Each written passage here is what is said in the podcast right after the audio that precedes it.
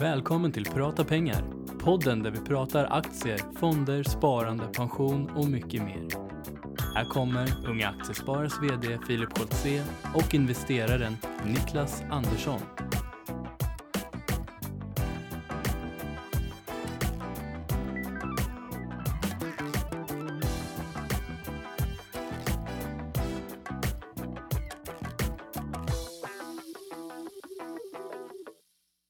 Säger vi äntligen måndag och välkomna till podden Prata pengar.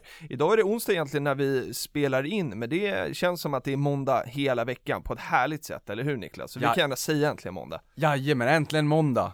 Äntligen måndag. Hur eh, har din vecka varit Niklas? Jo men tack som frågar, det har varit väldigt intressant. Ja. Eh, som vanligt. Jag avslöjar att det är onsdag i och med att vi hade uppesittarkväll, så att igår, i natt. Ja. Ja. och sen sist vi träffades har börsen faktiskt gått upp 1,91% sen Mm. vi träffades och spelade in det här förra gången och vi hade uppesittarkväll igår och upp, själva konceptet med det är ju egentligen att vi sitter inför löne, löneförhöjningen höll jag på att säga, men inför, inför löning och klurar och funderar lite grann på vad man ska köpa för aktier eller kanske fonder men, men främst aktier då. Sen delar man med sig av det i sociala medier, primärt Twitter under hashtaggen då eh, uppesittarkväll. Just det. Och det var ett jäkla tryck Det var igår riktigt måste jag säga. Trendade den till och med, hashtaggen. Ordentligt! Miljonär innan 30 på En Twitter favorit eh, visade oss en liten bild där. På första plats så var det Dolan Twins new video på första plats med 98 000 tweets. Nummer två var Hanif Bali och på tredje plats är det uppesittarkväll. Vilket oj, oj. jäkla tryck Vilket och få ett avtryck, en nu- trend på Twitter. Och då är det inte uppesittarkväll alltså kolla på Bingolotto eller sånt där utan då, då Det var är för det tio att år sedan. föra över pengar och, för att kunna, kunna handla. eh, men lite grann vad som har hänt. Mm. Jag tittar på sockerdokumentären, Ja. som, eh, som de flesta har sett, SVT, då det. förstår man hur mycket, hur snabbt saker och ting Finns någon på Netflix också tror jag, som jag har sett. Jag har inte sett den på SVT. Nej, och hur saker och ting kan sprida sig Mm. så snabbt. Mm. För, för jag tittar ju aldrig egentligen på linjär tv, och linjär tv är ju gammalt vis tablå och så. Just det. Eh, men den där har jag sett, och då pratar man lite grann om kalorier. Mm. Och att, ja, det spelar ju egentligen ingen roll eh, vad man äter, utan så länge det är x antal kalorier. Och då menar man att det där är så fel. Mm. Men matindustrin har försökt få det till att man ska tro att det bara är att räkna kalorier. Och vet du vad Filip? Nej. Det där är samma sak som när man tittar på fonder och konstiga jämförelseindex. Ja. Och så, ja en aktiefond, den har gått ganska bra för den har slagit tre månaders statsskuldväxel. Så att- Inte så konstigt. Nej, så det där är egentligen samma sak. Det finns, Mm. det finns falska eh, eh, kalorisiffror ute i matvärlden och det finns väldigt tveksamma sätt att redovisa de här kalorierna när det kommer till fondförvaltningsavgifter i Så våran bransch. Så var lite skeptisk. Ja, Utdelningssäsongen är ju på gång och jag tittade och på så, gång, den är väl snart ta slut. Ah, nu sa jag på gång, jag menar den är snart slut. Det är snart juni, då är den faktiskt snart slut. Vissa bolag har faktiskt börjat med halvårsutbetalning och, och preferensaktier har ju, någon, har ju kvartalsvis, men en bit över 30% lyckas jag faktiskt prestera i år. I utdelningstillväxt. Bra. Stockholmsbörsen och OMXS30 eh, prognostiserades stiga 9%. Ja. Det är väldigt bra det Det är också. klart 30 alltså. Ja. Ja. men det boostas ju lite av nysparande också, det gör det ju. Det ska man ju inte sticka under Nej det är stolen. klart, så är det ju. Eh, Så in och hashtagga under hashtag prata pengar vad eran utdelningstillväxt var i Ja år. det måste jag räkna på då. För det där är väldigt intressant, speciellt om man är långsiktig. Mm. Otroligt intressant, en väldigt viktig komponent av totalavkastningen. Mm. Jag brukar säga att Investor, när jag föddes 87, Mm. tittar man idag så är en tredjedel kurstillväxt, två tredjedelar utdelning, återinvesterad utdelning Mm. Just det. alltså. Och jag har köpt lite mer Investor. Du har gjort det? Ja, och det var roligt att tänka på det på så vis att jag köpte Investor så till, till den milda grad att jag fick 400 kronor mer i utdelning varje år resten av mitt liv. Mm. Men det finns en risk i det hela och det är att de höjer utdelningen. Sen ska man också vara medveten om att de, sänk, de slopade utdelningen under sju års tid under depressionen. För Investor firar 100 år i år. Det gör de, så de har varit med. Ja, Mm. under depressionen 2030 där, eller depressionen var inte 20 men det var problem på 20-talet Mm. som var 30 och det var väldigt jobbigt. Eh, där slopade de faktiskt utdelningen i sju år så det kan ju hända. Så är det. Ja. Jag har också haft en bra vecka. Jag startade den här veckan i alla fall med att vara på fonddagen på Moderna Museet, fondbolagens eh, förening som, som kör den. Och där var vice riksbankschef Cecilia Skingley. Och hon berättade någonting, någonting intressant och jag tweetade ut det också. Att eh, av svenskarnas totala tillgångar så är det bara 21% som är likvida. Det som inte är likvida är ju såklart bostäder som är den absolut största delen av våra tillgångar. Och det här tyckte jag var eh, lite alarmerande. Vi pratar ju ofta om att man ska ha den här balansen Mm. eh, mellan reala och finansiella tillgångar. 21% tyckte jag var väldigt lågt. Sen i förra veckan så var jag i Göteborg med, med Micke från Aktieinvest, han är vice VD där. Vi var och hälsade på vår eh, lokalavdelning, eller båda lokalavdelningar i Göteborg Öst och Väst och föreläste på Chalmers. Eh, inspirerade Hoppas i alla fall om, eh, om sparande och eh, investeringar. Mycket tjejer på plats och väldigt många fans till podden. Riktigt kul. Ja, jag var ju på föreningsstämma i min bostadsrättsförening Och då var det en kille där som blev inkuppad som eh, valberedning, Ja. eller valberedningsledamot Oj, Han oj, visste oj. nog inte vad det innebar, men sen förklarade jag vad det innebar och, och han sa där i slutet att Han, jag känner igen dig Mm. Och till slut så mynnade det ut, jag stod lite ty- tyst för jag tyckte det var så roligt att höra vad han, Ja. vad han själv när han tänkte högt Ja, vad han trodde att det skulle vara Men det var ju Det eh, var podden. Ja, vad kul. och det där är ju roligt Det att vi liksom tränger oss in i folkhemmet och, och kan få en liten airtime Mm. en stund och prata lite ekonomi och pengar, för det behövs. Verkligen. Gör inte, gör inte skolorna det så gör Ung Privatekonomi och vi det. Ja precis, och där kan vi, kan vi också passa på att berätta då, för att vi hoppas ju att man också då vill hänga med oss på Unga Aktiesparare. Nu vet vi att det är många som lyssnar som inte är, eller som är över 28 år, då är det lite svårare, då får man bli medlem i Aktiespararna. Men Unga Aktiesparare, vi har ju en, kör en studentkampanj nu, så de som eh, känner någon som tar studenten vilket jag tror är de flesta, eh, har, eh, kan gå in på vår sajt och eh, hitta en eh, studentkampanj. Riktigt bra present att kunna, kunna ge bort det. En bättre start än så får man inte på sitt investerarliv tänker jag. Och Nej. du håller väl med tror jag. Pris är vad du betalar, värde vad du får, nu får man lite mer. Exakt, nu får man väldigt mycket mer. Ja. Men vad bra, men då ska vi eh, släppa in vår gäst för dagen som är Dennis Hettema som är chef för produktutvecklingen på Nordnet. So, good morning and welcome to the podcast, Dennis Hettema, Thank you. Chief, not Innovation Officer at Nordnet, but Chief Product. Correct. Yeah, Correct. I, I changed that title uh, a few weeks back. a few Uh, weeks back. Yeah, so I got hired as Chief Innovation Officer, which Yeah. was really cool. Um, but uh, as I progressed in the role, um, uh, I got a little bit. Uh, it felt a little bit exclusive, Yeah, like innovation unit, right? Innovation is ours, not yours, and I, I that just felt wrong because I think innovation should be in the entire company's DNA. So we changed the role to Chief Products, which in the finance industry is sometimes somewhat misunderstood because we're not just talking like finance products, but also digital products. Uh, and innovation belongs to everybody. innovation belongs to everybody. So, but but who is Dennis? I started off with a uh, very direct question, but who is Dennis? You like to, you know, in Holland we say you you fall into the house with the door in your Yeah, hand. right? That's cool. Uh, so you're from Holland. I'm from Holland. Yes, I'm. Uh, I'm uh, 40 years old from Holland, uh, father of four, and uh, somehow I ended up in the finance industry. Hmm. Uh, my background is in uh, apps and gaming. Uh, I've been, you know, in, in the digital or online industry since '95, Mhm. and uh, and been involved in pretty much every sector of, of, of digital, uh, both from from programming to sales, to product management to every every step of the way. And uh, uh, yeah, so that's that's me. I'm a kite surfer. You're a kite surfer. That's also very important. I always like people usually always talk about their jobs, and I guess that's what you want me to do. But Yeah. my job is only part of it. Uh, uh, for the rest, uh, like I like to enjoy life. But Yeah. uh, luckily, at my current role at, at Nordnet, uh, I also get a chance to enjoy life very much and do my my my biggest hobby apart from kitesurfing, which is product development. product development. Cool. And and that's what I like about you because you are here as a representative for, for a bank or a retail net broker today, but you doesn't look like a like a banker. And you said uh, that you are a, a sales guy, gone programmer. Uh, is that the uh, the banker of today or maybe the future? I uh, it's a it's an interesting question. I, I don't know. I like um, I've been with Nordnet for about a year now, um, and when I started, I wasn't quite sure how I ended up in a bank.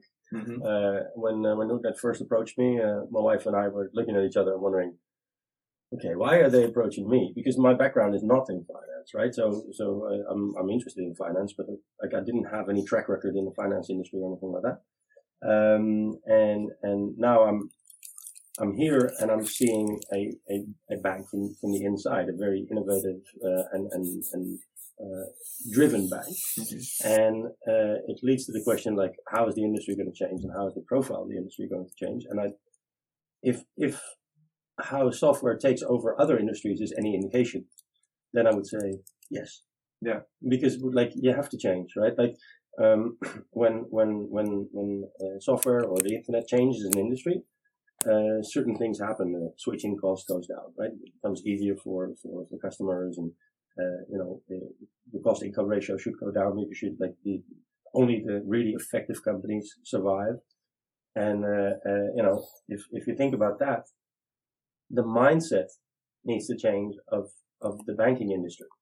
Uh, a, a, good analogy, or I think, at least I think a good analogy is that in the finance industry, people think linearly, right? We want to, we want to, everybody wants an exponential curve, Mhm. but if you look at the models, they're all linear.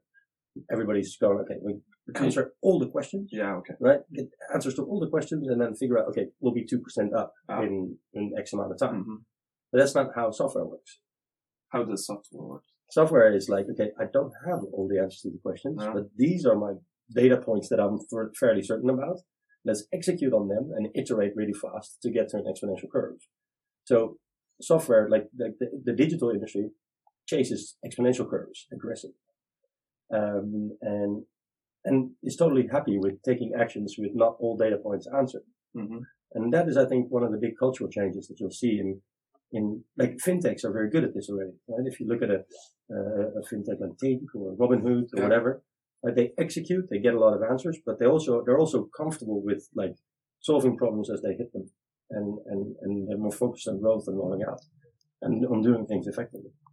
And you know, banks have a lot of luxury with not having to have done that. No. Yeah, it's like uh, like Alan Greenspan said, it's a new economy back in in the IT boom, Mm-hmm. and you, you should you should be uh, you shouldn't use the term uh, it's a new economy, but in this case it might be because I saw this um, this information that it took the phone 75 years to reach 50 million users, and it took only Angry Birds uh, uh, three weeks, roughly three weeks, to, to reach the same amount of people. So it might be a new economy as well. And what, what is fintech really? Is it old banking, or, or, or how should we think about fintech? Well, I think new economy is like it. I, I, I, my schooling was in dot com boom and dot com crash, right? So, so new economy is like, oh, ah. but uh, like the new economy back then was like, let's not make any money and get money for that, and that's not really a sustainable model. So we've we've smartened up since that. But I think essentially what you're talking about, about a growth curve, right? Um, uh, it's a bit Moore's law uh, on crack. Uh, so like uh, Ray Ray Kurzweil uh, has the law of accelerated returns. This is one of the one of the uh, uh, one of the theories that he he's come up with, and it's actually well, it's pretty much a law. Uh, it's Moore's law, but then applied to pretty much everything. So I'm, I'm going to make sense real soon. Hang, bear with me. um, uh, it's it's the, the exponential curve, uh, not just applied to processor power, right? So Moore's law of processor power doubles in every 18 months, 18 months or something like that, right? So you get this exponential curve, but it's a connected system. It's it's uh, you know the, the the the circuit boards get smarter and all that kind of stuff. But the internet is a connected system as well. Software is a connected system as well, right? So if you look at the growth curves of everything, they're going faster. So 75 years for the phone versus three weeks for, for, for Angry Birds. Mm. You see that in many others as well. The growth of Instagram, right? Or WhatsApp. Or any of the other things. So the pace of change itself is changing. And in a classical hierarchical driven, uh, you know, make sure that you focus on your career and don't piss anybody off and answer all the questions and, you know, a very, I would say, personally driven culture, which many financial institutions still have, uh, you're not going to be able to react on this type of change. And fintech uh, are companies that sort of capture this cha- this changing pace of change. So they they they attack the same problems, uh, but they attack them from a different angle. Their their their thought is not necessarily okay. Uh, I need to have as much money on my platform or everything. They they look at what the customer really needs, and then they deliver that much much faster, much more effectively than uh, regular financial institutions, and that's why they're taking market share fast. Um, But is that also because the the uh, the Jurassic financial institutions they are very broadening in their you know uh, with all their products and, and the fintech companies like Tink they are very niche. They they attack one single problem. Is that also something that that uh, makes them be fast. Yes, absolutely. Of course, the, and they don't have the legacy systems, and this is why it's so hard for classical banks or Jurassic banks, I like Mhm. that term, um, to to uh, to defend. Yeah. because like there's so much that you've got to defend, right? So one of the hard points is to focus and to say, okay, what are we really good at, and wh- which which area are we not going to give up on, or which area are we actually going to win on? How are we going to align uh, resources? But once you make that decision, because that's a decision still that you can have in an executive group and say, okay, we're really going to do this, Mm. right? But then you have to have the org be as smart as a fintech company who just Yeah. thinks about, okay, you as a customer, did you actually get what you wanted? Hmm. Is that exactly the way you want it? Could we tweak it a little bit so you want it more? And they're just obsessed with the customer, right? Yeah. But a classical financial institution, they're more obsessed. Most people are more obsessed with the execution of how to bring the product to market, possibly their own careers. Like the focus is much more inward than towards the customer. Yeah. And I think that's a really big cultural change. Uh, and it makes it really hard. Yeah, when I think about it, when the financial industry and the future of it, that might be when the iPhone came to the market in 7 Mhm. That when you, you got your phone and you didn't even need a manual for, for under, understanding the phone. And that might come to the financial industry as well and the fintech companies. It's exactly as you say. I think they, they're driven by the legacy just to, to protect their own income, revenues and profits. Yeah. And here comes all those companies in the fintech industry saying, all right, we'll, we will disrupt the market and we'll disrupt the way people think and people, uh, analyze and bring the, the decision back to their home table instead of going to the bank where the, the main purpose is just to bring the profits down on the, on the last row. Yeah. Uh, if, you, if you think about it, like you have to jump through so many hurdles in the regular financial industry to get what you want, Mhm. right? And a lot of people go to like if they want to get a mortgage or whatever. Like a lot of consumers uh, believe that they the bank is doing them a favor. Yeah. Right. Like ah, you know, they gave me a mortgage. No, they didn't give you a mortgage. They sold you a mortgage. Yeah. right? Uh, um, but but the, like people are wisening up to that, so they're demanding more. And this is also another effect of like a digital industry, right? Transparency is one of the big drivers, just like like switching cost and transparency and all these things. Like people wisen up, they get better at comparing, and and, and they expect better service, faster service, uh, less headaches, and all that kind of stuff. So if you don't react to that, you're you're toast.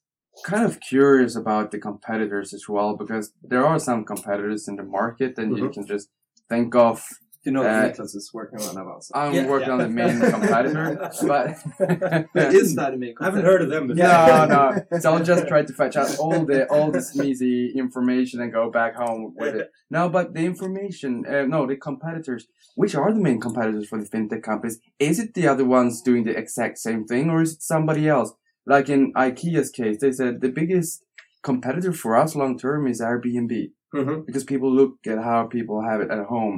They look at all the furnitures and so forth and got the inspiration to to what they're going to buy. And that is the main competitors for us if we think about it in the long term. Mhm. And that is not the, the case that you think about um, spontaneously. No, it's a really good question because it's something that I've been uh, both considering, but also challenging my team on. Like, uh, like what are what are the, the, the real competitors? I personally don't believe that uh, that our direct like uh, colleagues in the industry. Like, of course, it's important that, that, that we look at each other and, and, and, and that we keep it, that we, we stay relevant against the other offering.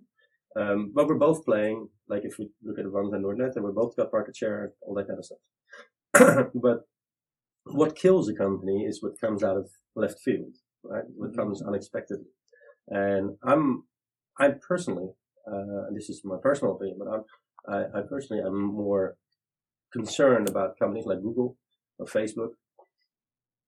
Um, and the belief is that the finance industry is so complex from a, a regulatory perspective, from a legal perspective, and risk perspective, that uh, that we're in between quotation marks safe. Yeah. Right? We've we've cracked this nut. Mm. But I think that's a very a, a very self-centered belief. Yeah. Because if you look at how Facebook is run, or how Uber is run, or how Google is run, the complexity of those systems is like so much more difficult than a finance institution in the Nordics, right? Like, like if, if Google decides to go into finance, they will crack that nut. They will run the compliance stuff. And by the way, they'll have a footprint that will steamroll everybody.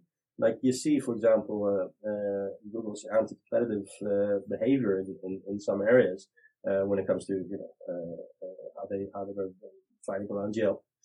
Right? And then in, in Brazil, when, when Orkut, I don't know if you remember that old Google's, Google No. social network, right? Which, which became big and then was small Mhm. again. And, but in South, South America, it sort of had a foothold. Mhm. Uh, but in all of a sudden, people in South America tried to, because there was an export feature because Google was open, right? Mhm. Uh, they tried to export their, social network so they could import it in Facebook and Google turns that off. right? So the Google don't be evil, uh, uh, slogan is gone for a while.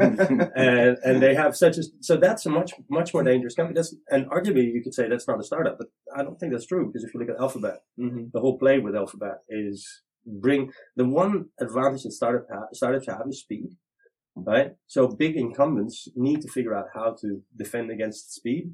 And companies like Google are doing that by setting up Alphabet. Uh, Facebook is doing it by only running small teams. Mhm. Uh, so these, the, the classical belief is that as a company scales, it slows down. But Facebook is lightning fast. Google is lightning fast, right? So, so that, that doesn't hold anymore. So there's both the fintechs and they're gonna, they're gonna take market share, uh, and they're gonna be dangerous, right? But, you know, they're gonna, probably gonna be even more dangerous if they're bought by, by a Google or whatever and then accelerate. Yeah, that's quite interesting because I saw some figures some time ago that uh, Facebook had 1.6 billion monthly active users. And That's quite many people. It's One like billion active per day. one Per day. Per day.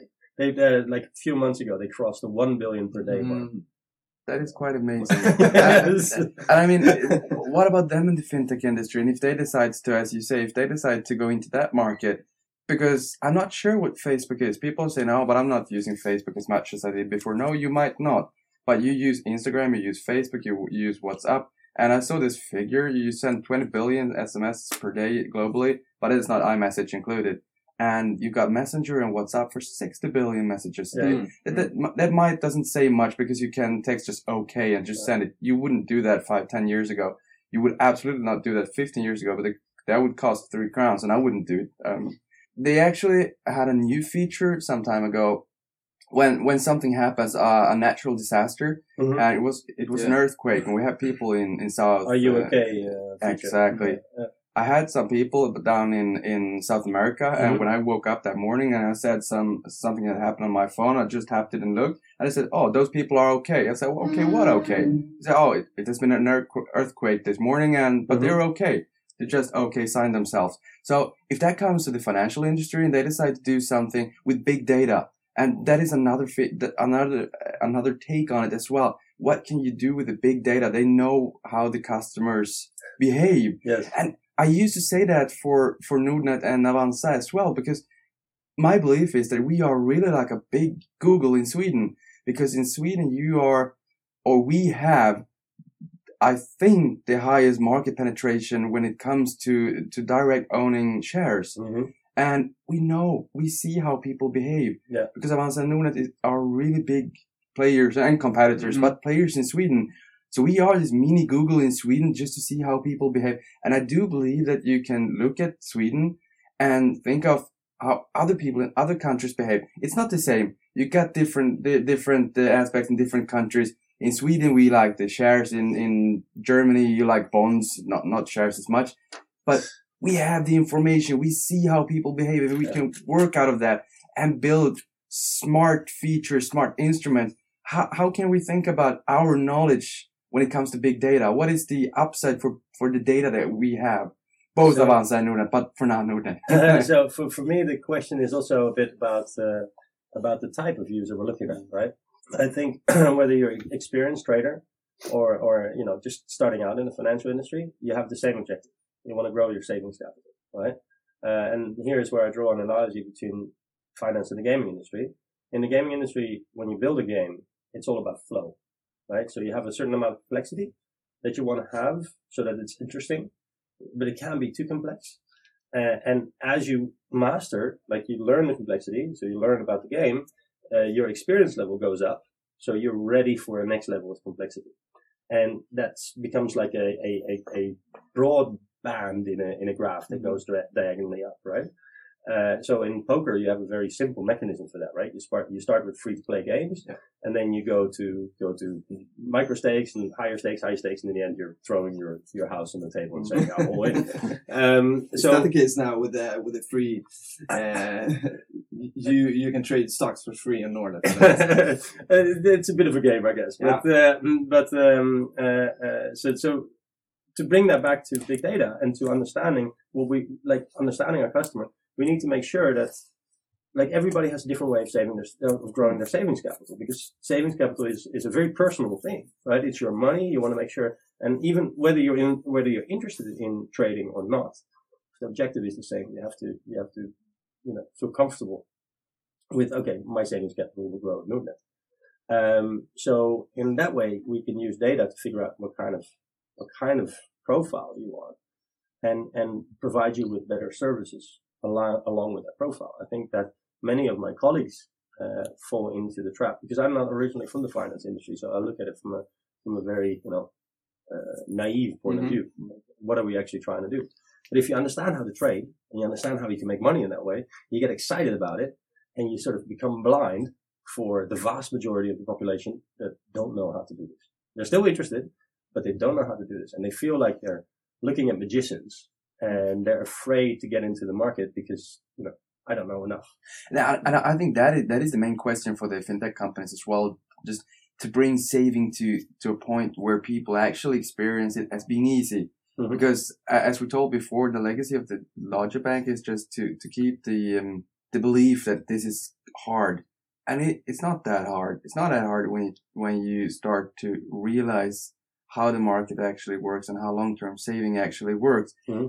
But that is what we can do. Tell them it's not that it's not that hard. You can actually do it by yourself. Absolutely. And we will help you with with the platform. Just do it. And that's why we have Shareville, the tools. Yeah. If you think about Shareville, right? Like for me as a as a as a finance industry novelist, pretty much, uh, would I rather get advice from somebody who goes to work and gets paid to manage my money, right? Like, yeah, theoretically interesting, you know, mm-hmm. professional, uh, uh, made his or her living out of this and da da da but you know, it's my money. Yeah. and then I look at Shareville and I see people putting their own money where their mouth is, and I can follow that behavior and learn from it and have a discussion. I mean, that's that's exactly the way that where, where I think the industry will go because that's a very transparent play, right? There's no hidden agendas here. The, the, the agenda is very transparent. Mm. I'm in here to make my money and these are the shares I'm buying, and these are the these are the moves I'm making. Mm. And of course, you can't see how much money we're putting in, so there, there's a nice uh, there's a nice uh, uh, privacy barrier, mm. barrier there. but then we have the star system on Shareville. You know, people get really excited when they get three stars because it shows that yeah. they're actually you know doing really really really well. Uh, so and that's you know the bragging bragging mechanic. I don't know of any other banking service really, or at least a classical banking service no. that has a bragging mechanic built in. And you know, some people want to brag about their cash and others don't, mm-hmm. and yada yada. But the people that do want to brag, they don't have a they don't have an outlet anywhere but Shareville. But we are struggling as Unga Aktiesparare with the with the knowledge about savings and how do you take care of your own money. Mm-hmm. But from your perspective with product development, how can product development simplify and increase savings? It's and where are we? Where are we in five years? Uh. So I, no, that, that's a hard question. That, that's not. But if, if we can, can just, I take them one at a time? Yeah, yeah, yeah one at a time. oh, right. awesome. So I'll start with like from a product yeah. development perspective.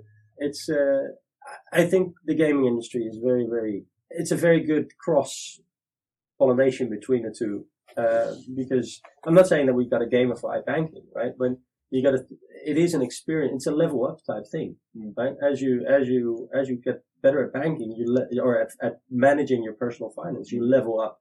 You level up into, in, in multiple ways. You level up with your money possibly growing right? Or hopefully growing. And you level up in in, in your experience and confidence level and, and, and those kind of things.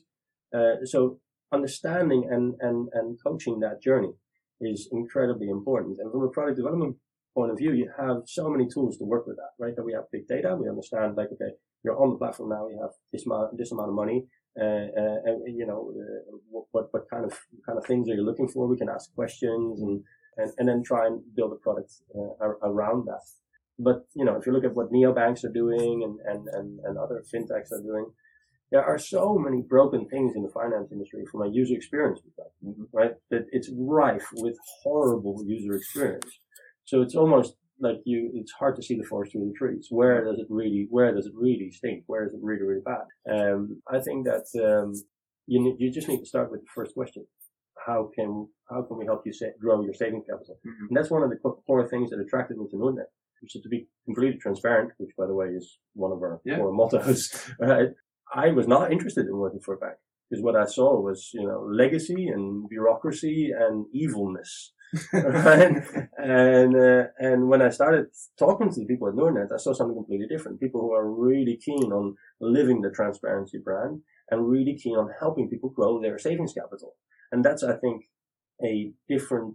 That for me was refreshing to see. Okay, our objective is really to help you grow your savings capital. And, and of course, I'm saying that I'm a representative of Nordnet, so please be skeptical of that statement. Hmm. Uh, but I was convinced when I walked into the building.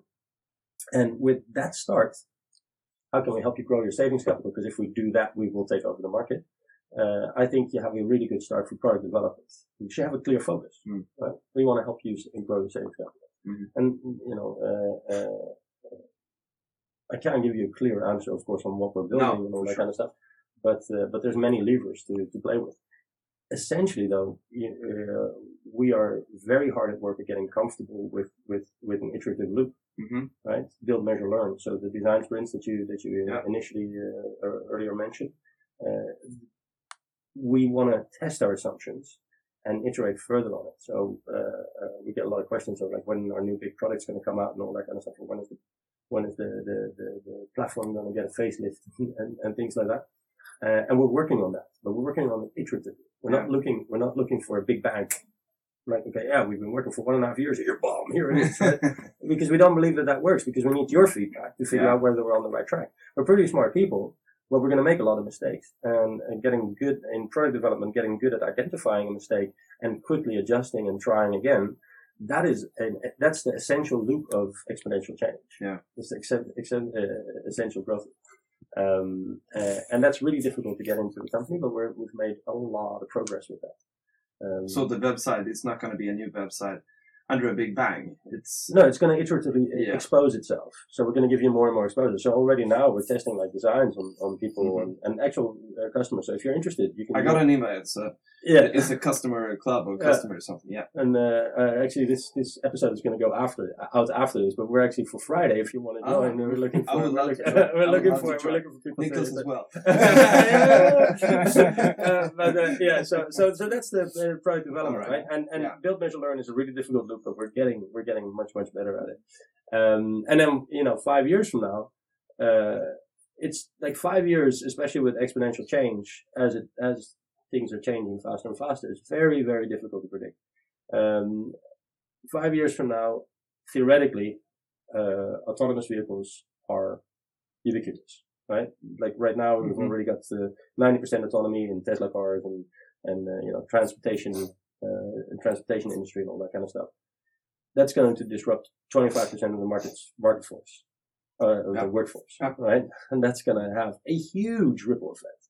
And you look at the progress in AI, which is also exponentially changing, uh, then you know as AI gets better, AI learns itself, and AI becomes AI, becomes faster, becomes faster, becomes faster. I want to talk about Nordnet Ventures Yes. and uh, about acquiring innovation Mhm. because we have Stockholm is a fintech hub. Yes. Uh, we were touching uh, upon it a bit before, but I know one of the Jurassic banks, SEB, they got a stake in in Tink, as we talked about before. Mhm. Is My former employer. your former employer? Yeah. Yes, now I'm going from legacy You've uh, to innovation to fintech banking. To, right? Yeah. yeah. yeah. Is that the case with uh, Nordnet Ventures that you want to acquire innovation rather than uh, develop it yourself or innovate yourself? No, but it's not. It's not a. It's not a zero sum thing. It's not either or, right? Uh, it's there's lots of talent out there, and I think that entrepreneurship is an incredibly important driver for any company, right? Mhm. So to bring it back to the number one uh, strategic advantage, or the only strategic advantage that a startup generally has, it's speed, Mm. right? Um, and uh, uh, Nordnet Ventures is is you know we want to we want to be part of that as well. So it's not like we can't innovate ourselves. No. We just want to buy it. Um, but it is a fantastic way to keep to stay close to the entrepreneurial uh, entrepreneurial world, and we have an API. Right? We have a Yeah. public API, which uh, which has a, a lot of benefits. That's what Shareville was built, uh, Yeah. built upon, uh, and that's allowed us also to purchase Share- Shareville and and, and and and grow it. Um, so we've we've cracked a lot of the nuts for for for uh, startups, Hmm. and uh, you know I don't know if either, either of you ever ran a startup. Uh, I ran a ton of them. In Um, school. In school. Okay. During- Yeah, actually in school Yeah. as well. I imported t-shirts. That was disrupting. awesome. So, but the problem with the startup is that you know all the problems hit you, Mm. and and you're responsible for everything. And then if you join a, if you if you jump into the financial industry, you've got compliance and all kinds of really scary terms and legal problems and, and all that kind of stuff. So we can help in in many many ways more than money. Mm. And when we saw that that we have so much more to offer than just money, it made a lot of sense to start a venture fund. Yeah. Uh, because um, the smart entrepreneurs they don't look just for money. I mean, there's plenty of money for good ideas out there. If you want to raise cash and you've got a good idea and you're, you're decent at sales and, and all that kind of stuff, you can raise capital quickly. Mm. Uh, maybe not as quickly in 99 as, uh, you know, when, when I started uh, with bigger startups, because then I just needed, you know, shorts, flip flops, t-shirt, PowerPoint, Excel sheet, and that was it. but, uh, so it's a little bit more involved now, but still, if you're a good entrepreneur, you can get the money, you know it.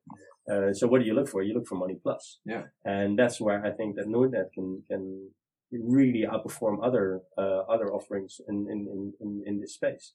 Uh, like, you know, we'll, we'll be able to help you a lot more than just with cash. Yeah. And, and in return, of course, we're not, we're not altruistic here. No. In return, we, we get from, from the entrepreneur a lot of new thinking, feedback, uh, possible synergies and all that stuff. it's quite interesting to think about the fintech as well because we said uh, earlier on that it's not back in the 99 2000 when the IT boom and, and nobody was interested in making money that that comes later on they said um, but for now we saw Facebook buying in, in Instagram for what a billion Mm. dollars in 2012 and then we saw two years later we saw them buy WhatsApp for um, for 19 billion dollars and you got these whopping numbers and I do realize it's a very, very large com- player out there that can actually benefit and capitalize on, on, on the users. But for the, f- for the financial industry, what, what happens there? Well, when, when will we see the big change and where does the profit come from? I mean, Robinhood in the US saying, all right, it's free. And will we earn the money from the profits from commission in the future or will we earn from big, from big data saying, I mean, I do realize that we have the fund and fund kickbacks as well, but um, where will the profits come from? I'm, I'm, I know that there will be profits. There, that's no question about it. But where will it come from? It's a it's a it's a good question uh, because the industry is changing, right? So I think business models need to change as well. As the industry becomes more transparent, the switching costs go down, people wisen up, right? You have to change your business model. So Robinhood offers things for free, Mhm. but you know nothing is for free. You're Mhm. paying you're paying in some other way. Yeah. Uh, and we have some theories about how how Robinhood makes their money, and uh, uh, you know, and then it, you have different business. What I really like doing is looking uh, looking at fintech with the or, or finance with eyes from any of the other industries that I was involved in, so games or apps or software as a service or uh, you know like uh, even just regular hardcore open source software development or whatever, because we have everybody.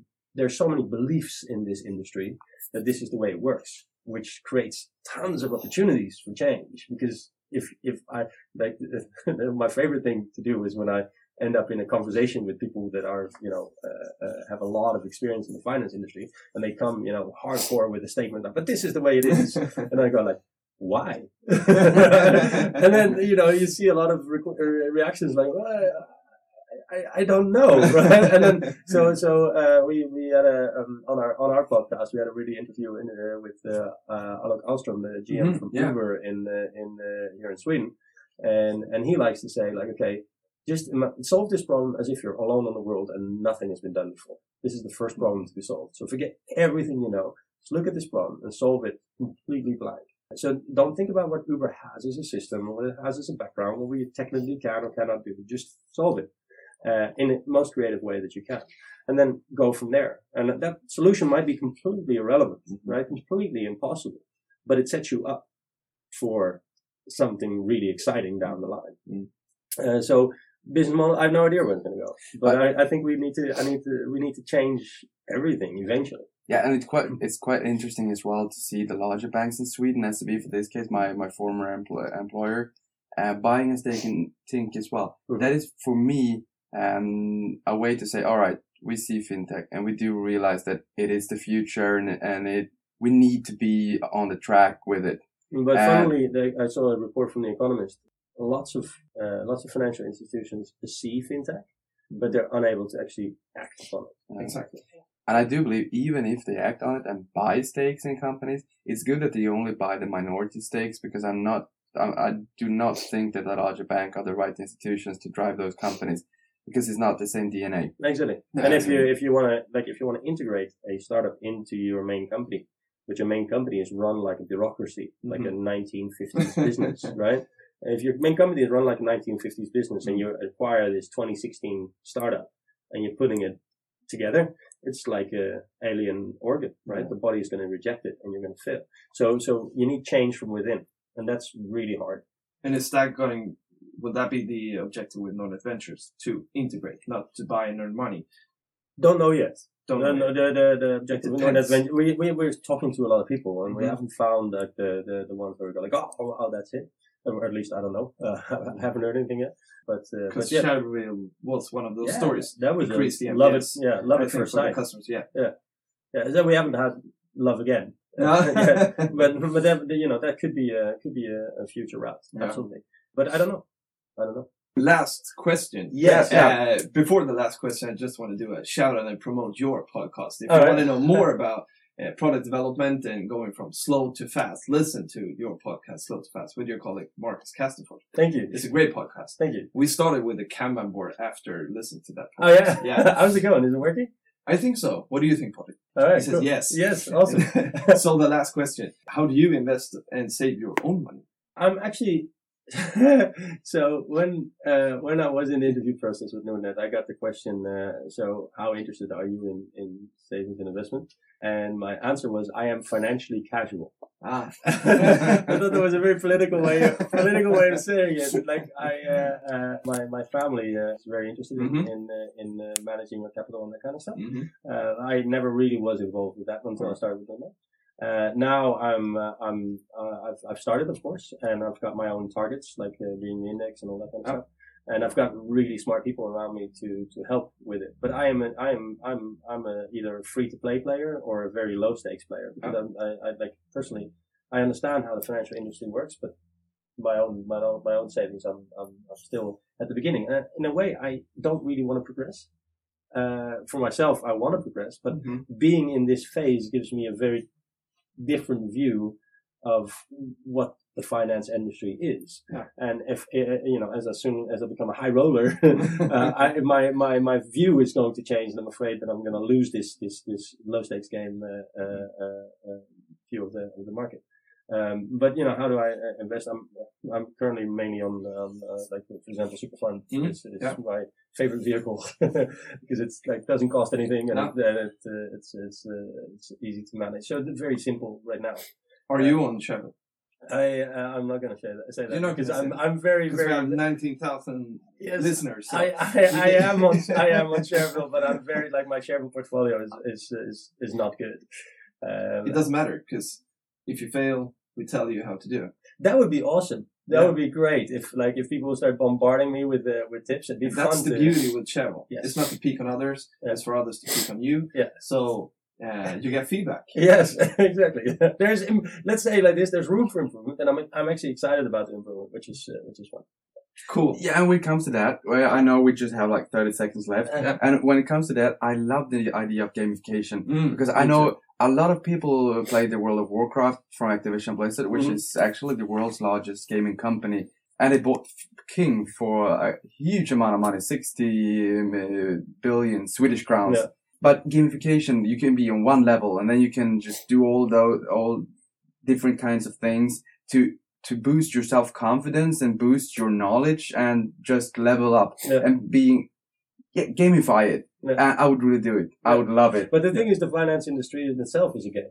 It is already gamified, It is. right? You just need to expose the the the, the game elements of it, which Mm. we do, for example, in, like key things with Shareville Star System, is that we just because if your capital grows, that's already a signal that you're winning the game, right?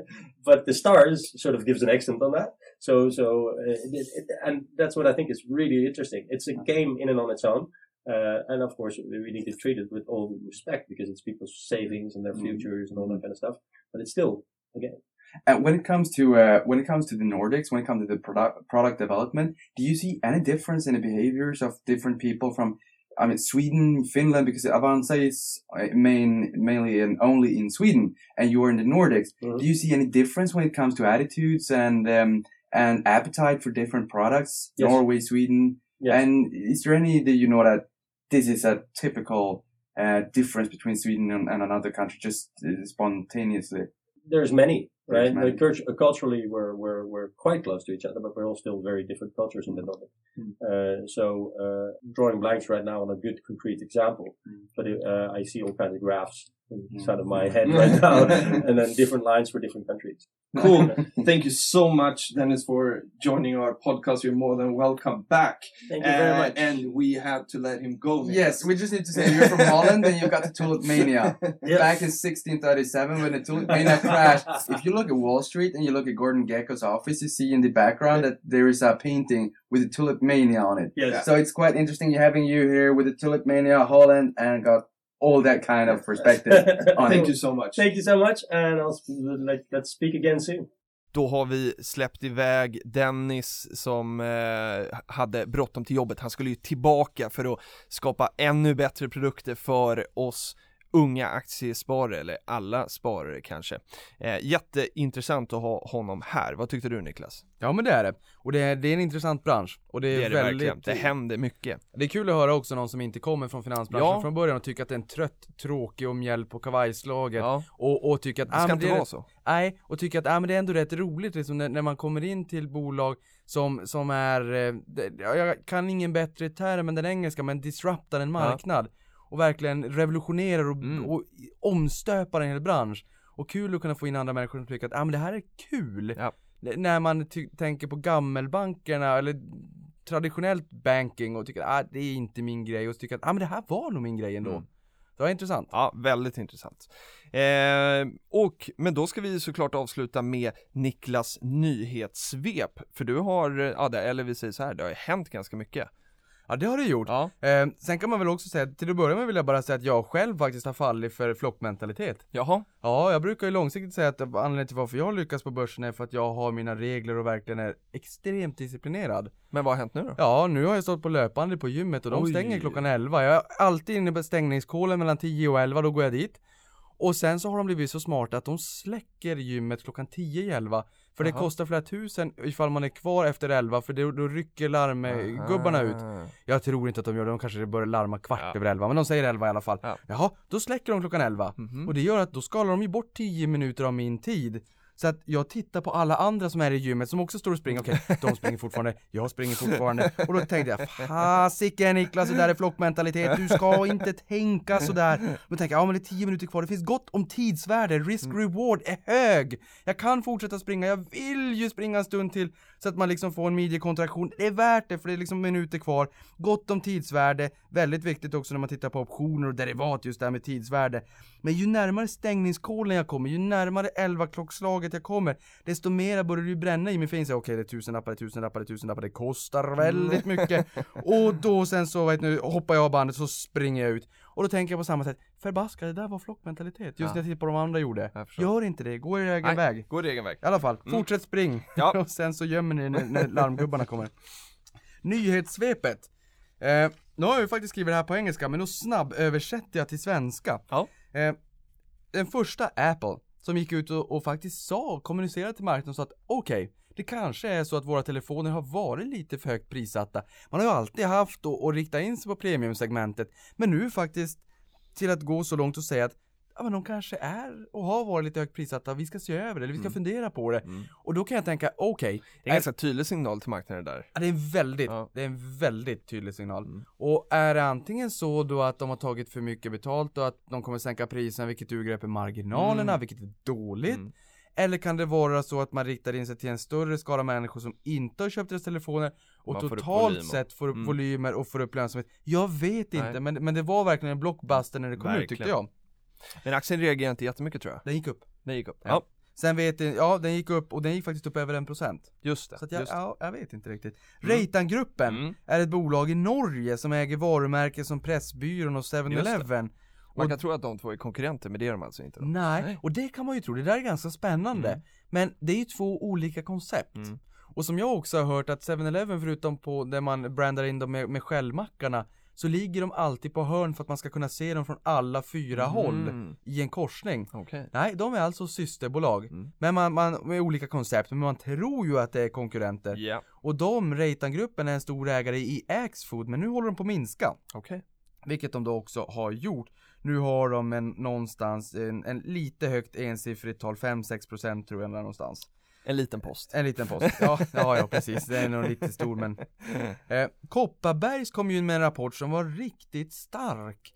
Kom in med en Q1 som visar att svensk cider biter. Mhm. För att ta en sån där, ett, ett ordspråk från svenskt stål biter. Dessutom är den väl SSAB ganska stark också, så att den biter nog på många sätt. Ja, ja, Det är precis. hög alkoholprocent va? Det är som man brukar säga, procenten Helge. Procenten. Ja. Eh, och det där var lite roligt, alltså rörelseresultatet steg 56% och bolaget själv säger att Ja men det här året har börjat riktigt starkt, sen vet vi ju inte hur sommaren är och sådär men eh, vi får hoppas på, på fint väder. Eh, och inte bara i Sverige utan globalt då. Och de de hade ju förut i alla fall de haft världens starkaste varumärken när det kommer till päronsider. De har haft den mest sålda söta päronsiden. Mm. Och nu såg jag några siffror, jag kommer inte ihåg dem rakt exakt, men, men de har väldigt starka varumärken och ligger på topplistorna. Mm. Annika Falkengren, VD för SEB, gick ut och sa på en mässa här att man kommer att se betydligt lägre eh, anställda i, i branschen framgent, eller i hennes bank sa hon ju då faktiskt. Och hon pratade om bördan med, med nya regelverk och även fintech. Mm. Och att man ska ta fram en liten fintech-strategi för att vara med på tåget. Hon kanske, nu har hon ju inte lyssnat på, på Dennis och intervju med honom, men den eh, går väl lite i samma, samma tankar kanske? Ja. ja.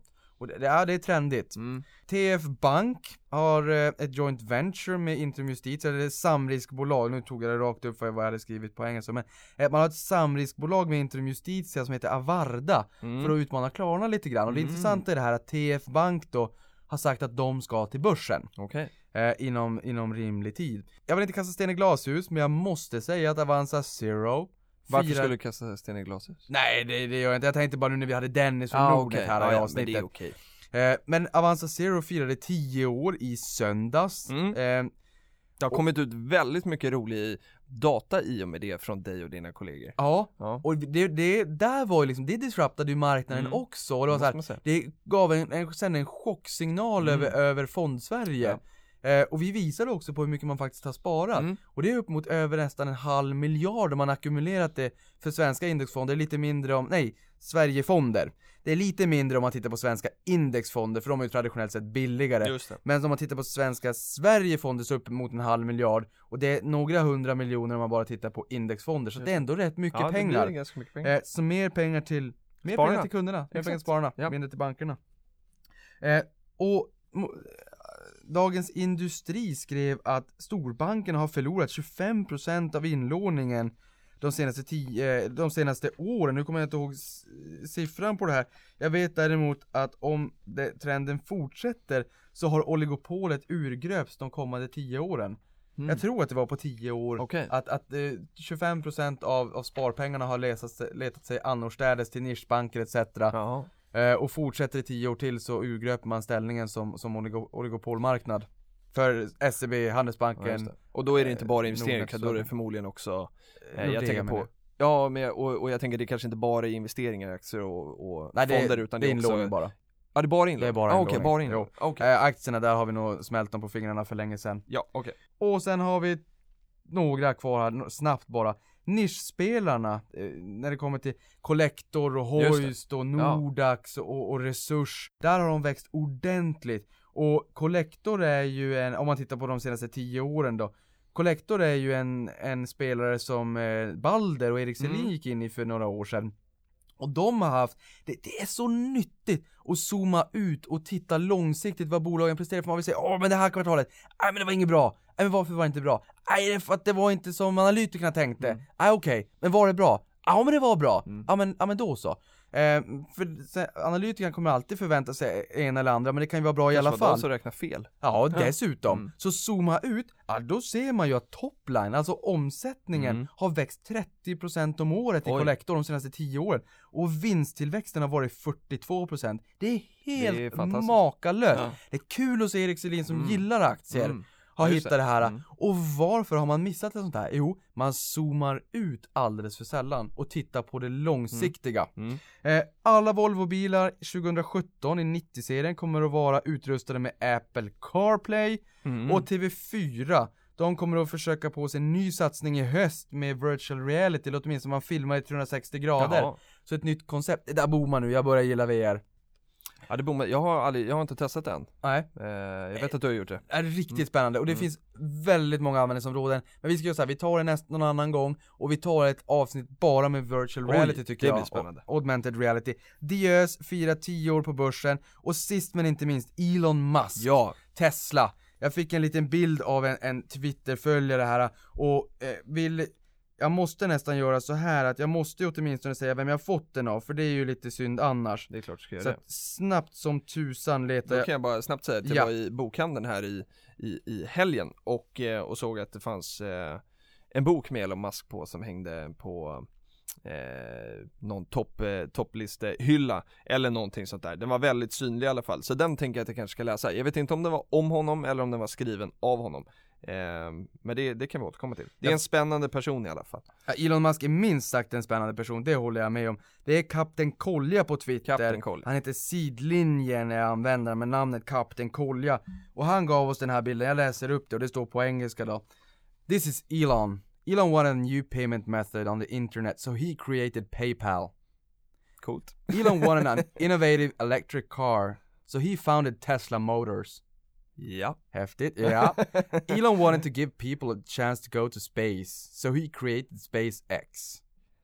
Ja. Super. Elon wanted high speed transportation so he's developing Hyperloop. Inte hört talas om faktiskt, men det låter häftigt. Hyperloop är, det- det- jag tror att det är vakuum, du lägger in som en, en tunnelbanetåg i en hyperloop och sen swishar du det iväg den där, så den går tusan. 6, 7, 800 km i timmen, det går enorma hastigheter. Mm. Jag tror att det ska vara vakuum för att det inte ska vara något luftmotstånd. Mm. Det ska kunna transportera folk mellan storstäder som hade tagit flera timmar idag på nolltid i framtiden. Eh, han förändrar världen. Så det är lite grann så här, inte bara säga hur världen borde ha varit, utan Nej. vara med och förändra den. Ja. Han gnäller inte så mycket helt enkelt. Han gör, Nej, han, han han, skapar förändring. Häftigt. Ja. Sann inspiratör. Härligt Niklas, eh, jättetack för idag eh, och eh, vi ses eh, nästa vecka igen och då djupdyker vi i frågor. Det ska bli härligt. Jajamän. Det blir riktigt kul. Då hörs Ha det då. gott allihopa. Ha det gott. Hej hej. Strålkastning på er, hej.